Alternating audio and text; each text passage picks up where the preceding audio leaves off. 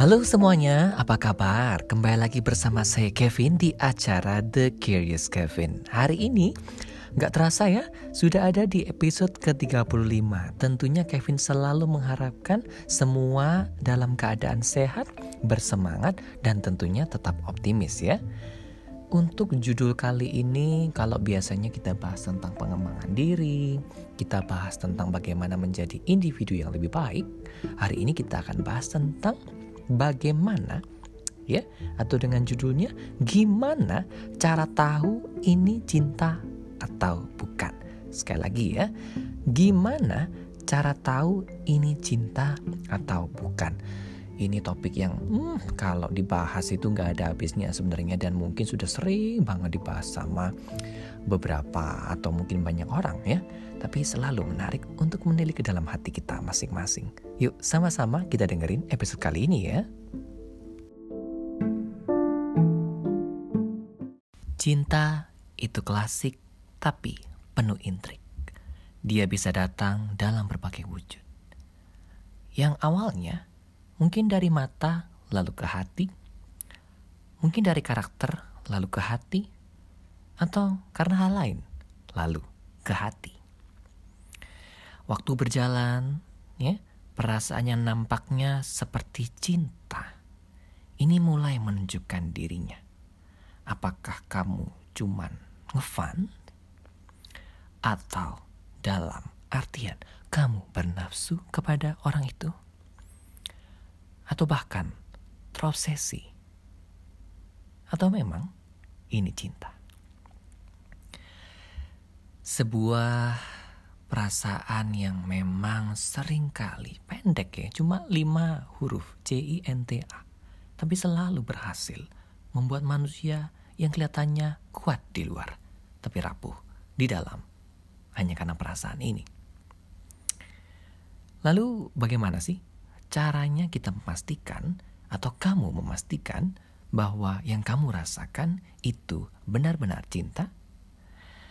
Kevin sudah membuat sebuah daftar pendek ya, daftar pendek yang memang bersumber dari pengalaman-pengalaman pribadi yang dialami oleh sekitar maupun juga saya secara pribadi. Jadi ini memang kalau kita bahasa kerennya benar-benar uh, real case ya, real life case yang memang ada di sekitar kita dan bukan bermaksud untuk menyinggung pihak lain atau memang sengaja mengubah cerita, tapi memang ternyata dari pengalaman-pengalaman hidup yang dialami oleh orang lain, termasuk saya sendiri sebagai kreator, ini membuat kita punya perspektif lebih luas untuk mengetahui apakah ini cinta atau bukan.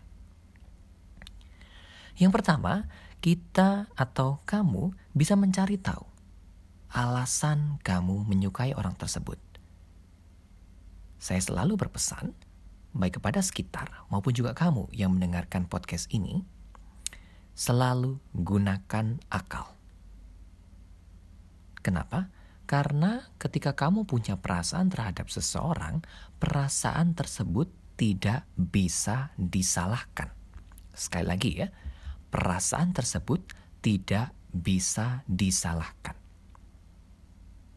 Tapi, menyikapi perasaan bisa kamu kendalikan. Apa yang membuat kamu suka dari diri orang tersebut?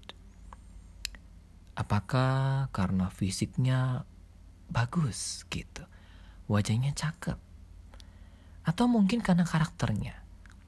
Yang kelihatannya suka membantu orang, baik sama sesama, atau mungkin perhatian, atau mungkin kamu suka karena dia kaya, hartanya banyak, kebebasan finansial, atau mungkin sebenarnya kamu cuma kesepian aja. Kamu merasa orang ini ya lumayan daripada nggak ada. Apakah seperti itu? Cari tahu lebih jauh. Karena setiap bagian atau setiap alasan yang kamu ungkapkan ini akan membuka banyak hal dan mempermudah kamu untuk mengetahui apakah ini cinta atau bukan dan mengarah ke mana ketertarikanmu. Yang kedua, coba tenang sejenak ya dan resapi apa yang menjadi bayanganmu ketika bersama dia. Ya, untuk ke depannya. Apa yang kelihatan di situ? Apakah sekedar untuk memuaskan nafsu? Ya. Atau untuk memastikan hidup yang tidak berkekurangan harta, kebebasan finansial. Atau kamu ingin pamer ke depan orang-orang yang ada di sekitarmu. Mungkin kamu dulu dibilang ah nggak laku. Mungkin kamu dulu merasa bahwa orang lain kok bisa, saya nggak bisa. Kamu ingin pamer, menunjukkan bahwa saya pun bisa. Apakah beberapa hal tersebut ini ada di bayanganmu? Atau kamu membayangkan hal-hal lain? Coba tenangkan dirimu dan resapi apa yang ada dalam bayangmu ketika akan bersama orang ini. Yang ketiga, kita lihat apakah orang ini juga merasakan hal yang sama. Kita bisa lihat dari sikapnya, bagaimana dia terhadap kita cara merespon ketika berkomunikasi dengan kita, cara dia berinteraksi, hal-hal yang dia lakukan pada kita. Dan ketika kamu melihat hal ini, pastikan kamu tetap objektif. Maksudnya, maksudnya adalah ketika kamu melihat orang berbuat sesuatu, tidak bisa kamu samakan dengan caramu menghadapi sebuah situasi.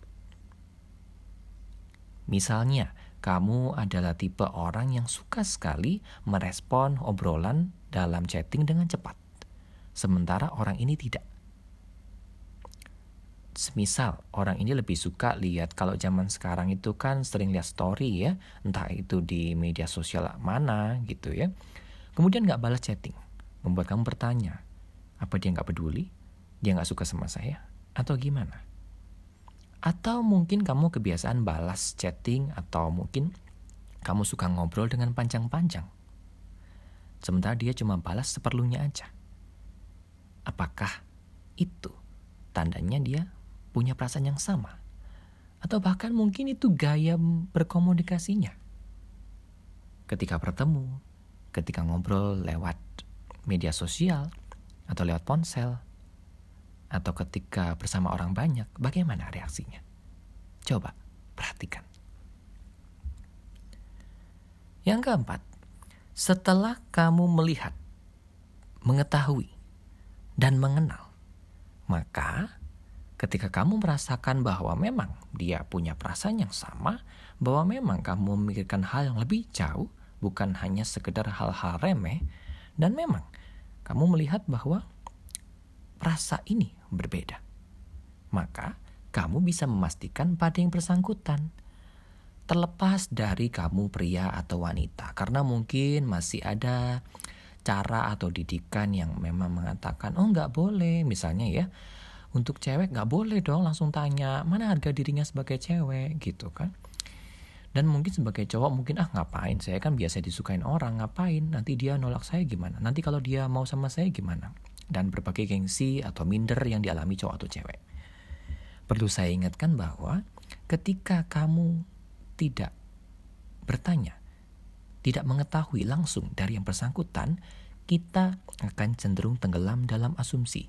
Ingat, Pikiran kita adalah kumpulan dari hal-hal yang ada di masa lalu beserta segala kemungkinan yang terjadi di masa lalu. Selalu penuh dengan what if, what if, what if. Gimana kalau ini, gimana kalau gitu. Mungkin dia nggak suka saya, mungkin dia benci saya, mungkin dia nggak pernah kepikiran mau jadian sama saya. Wah, gengsi dong. Nggak bisa. Saya kan gini, saya kan kaya, saya kan cakep, saya kan gini. Banyak hal tapi ingat bahwa sering kali kita cenderung tenggelam dalam asumsi untuk menghadapi situasi. Dan ini membuat hidupmu lebih sulit daripada yang kamu rasakan. Ya, Karena pikiran itu adalah kumpulan dari masa lalu yang sudah jadi memori dalam kepala kita. Karena apa? Karena kita tidak pernah tahu satu menit kemudian, satu jam kemudian, satu hari kemudian bagaimana kita, kita nggak pernah tahu. Kita hanya berandalkan pada asumsi yang merupakan pola pikiran yang sudah tersimpan dari masa lalu kita. Dari cerita-cerita orang lain yang memang juga masa lalu. Jadi kalau ngomong tentang overthinking, perlu diperbaiki bahwa untuk apa kita memikirkan hal-hal yang sudah berlalu dan kita tidak tahu ke depannya, malah membuat kita kehilangan kenikmatan atau kemampuan untuk merasakan momen yang ada sekarang. Lalu, ketika kamu sudah menanyakan hal itu, ketika kamu sudah mengetahui hal itu dengan berbagai cara yang mungkin kamu bisa lakukan, kamu akan mendapatkan jawabannya. Ya. Kalau ternyata bertepuk sebelah tangan. Kalau ternyata dia hanya menjaga perasaanmu. Kalau ternyata endingnya mungkin dia cuma mau menikmati tubuhmu. Kalau ternyata dia cuma jadi atau kamu menjadikan dia atau dia membuat uh, apa namanya kamu jadi tambal butuhnya. Cuma ada perlu aja dihubungin. Kalau enggak ya enggak dibuang. Ya, kalau enggak dibuang gitu. Atau mungkin dia menganggap kamu seperti kalimat klasik, kita temenan aja. Wow. Ini mungkin sebuah jargon yang cukup selalu digunakan para uh, netizen ya terutama atau untuk menghadapi situasi terutama ketika ada glorifikasi dari kayak kalau berpasangan itu selalu lebih baik daripada sendiri gitu kan. Jadi ketika mendapatkan jawaban temenan aja itu kayaknya fatal banget. Tapi kita perlu tahu bahwa memang itu adalah salah satu bagian dari jawaban yang kamu dapat ketika kamu memastikan lebih jauh. Tapi apakah itu hal yang jelek? Oh enggak, itu bukan hal yang jelek. Karena apa? Karena kamu sudah mencoba mencari tahu terlebih dahulu tentang dirimu sendiri, mencari tahu alasan lebih jelas kenapa kamu bisa berperasaan dengan orang tersebut, dan kemudian kamu memastikannya. Ya kan? Kalau memang bertepuk sebelah tangan atau bahkan cuma remeh karena itu tadi kayak misalnya cuman buat hawa nafsu ya, cuma buat nikmatin tubuh kamu gitu.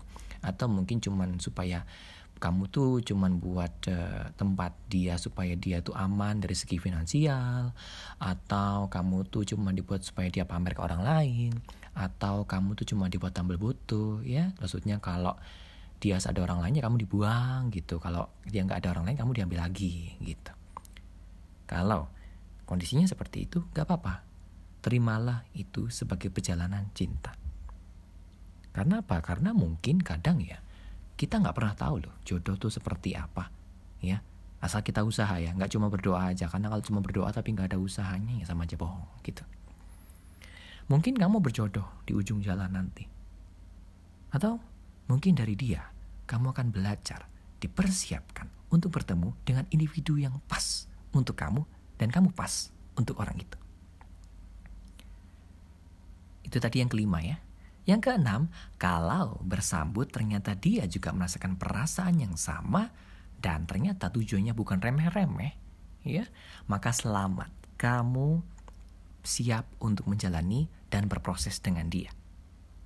Selalu saya ingatkan juga, terutama untuk kamu yang mendengarkan podcast kali ini, ketika kamu mencintai seseorang, ya, kamu sudah mengambil hatinya, maka pastikan kamu merawatnya ya. Jangan kemudian ketika kamu sudah dapat ya udah dapat ya udah gitu ya. Kamu nggak respect dia kamu nggak hargain dia kamu permainkan dia.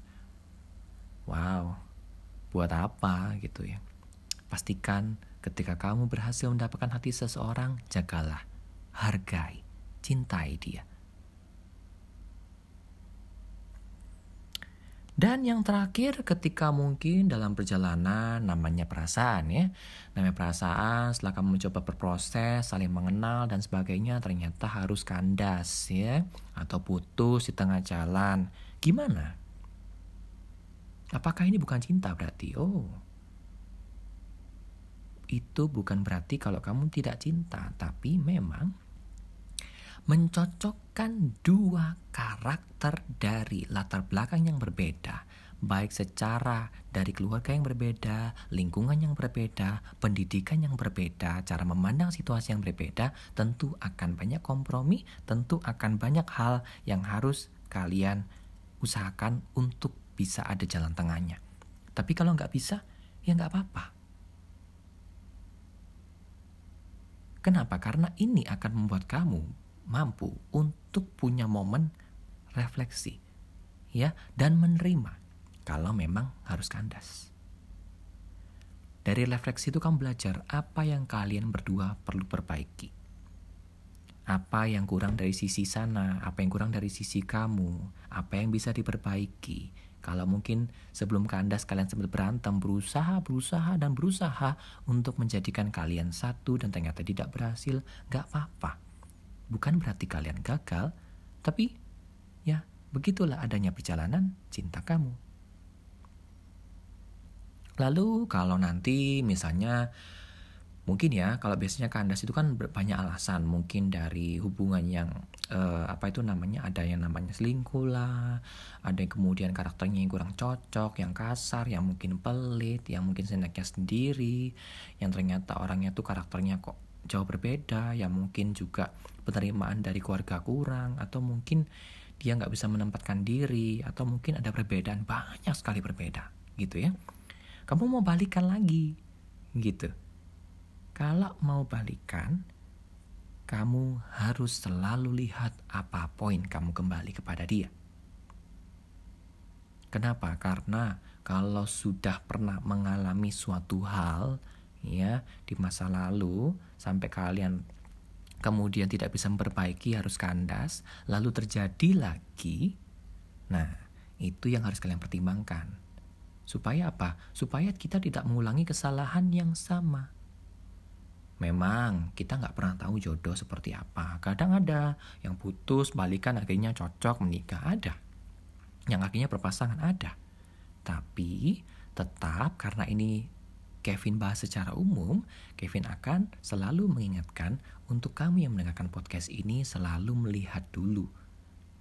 Ya, bisa nggak memang dipersatukan? atau memang lebih baik jalan sendiri-sendiri? Ya, karena apa? Karena sekali lagi perasaan tuh nggak bisa disalahkan. Kenapa nggak bisa disalahkan? Loh, memang kamu senang sama orang, ya nggak apa-apa kan? Cuman sikapnya yang bisa dikendalikan, logikanya yang dipakai. Kalau memang ada lagu yang mengatakan cinta tak ada logika, oh iya. Tapi pastikan bawalah selalu logikamu. Karena kalau sudah cuma perasaan buta kan cinta. Sulit sekali untuk melihat kekurangan-kekurangan yang ada dan cenderung menutupi. Hal itu malah kalian akan saling menyiksa akhirnya. Ya ini kan gak enak gitu. Kalau memang ya kalau memang kalian sudah lihat bahwa memang gak bisa komitmen jangka panjang ya atau cuma jangka pendek ya dipikir ulang lagi kalau memang ternyata hubungan ini dipersatukan, kalian gak jadi individu yang lebih baik. Ingatlah bahwa ketika kamu berpasangan, kamu akan selalu mengarah kepada hal yang lebih baik. Kalian berdua. Dari saling belajar, saling mengetahui, saling mengenal, itu akan banyak hal yang membuat kamu ke arah yang lebih baik. Ya. Dan ketika itu tidak mengarah ke sana dan cenderung menjadi toxic relationship, di mana kalian ternyata mungkin ya udahlah pokoknya aku suka sama bodimu, kita sudah uh, saling menikmati tubuhnya aja gitu. Atau mungkin kita berpasangan aja supaya kita tetap kaya kelihatan orang tuh bagus kemudian um, ya karena aku lagi nggak ada siapa-siapa ya udah sama kamu aja. Ketika kamu mengizinkan hal-hal itu terjadi dalam hubungan kamu kamu sendiri yang akan tersiksa kamu bukan lagi merasakan cinta tapi kamu merasakan luka yang lebih dalam yang seharusnya bisa kamu hindari dan tidak perlu kamu rasakan karena kamu masih bisa berbuat sesuatu terhadap perasaanmu itu tadi. Oke? Semoga dengan podcast kali ini kamu bisa punya cara ya, beberapa cara yang sudah saya berikan di sini untuk mengetahui apakah ya perasaan yang kamu rasakan itu cinta atau bukan. Semoga kamu bisa membuat pilihan dan bersikap lebih bijak dalam memahami cinta. Memang sulit-sulit gampang, tapi bukan berarti tidak bisa dilakukan. Oke? Semangat.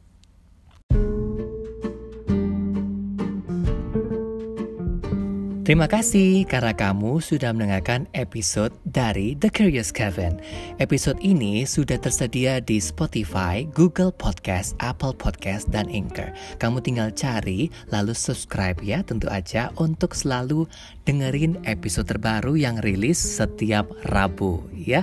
Semoga ini bermanfaat dan berguna untuk kamu semua dan jangan lupa dibagikan kepada orang-orang yang kamu rasa perlu mendengarkan. Sebarkan energi yang baik dan jadilah versi terbaik dari dirimu sendiri.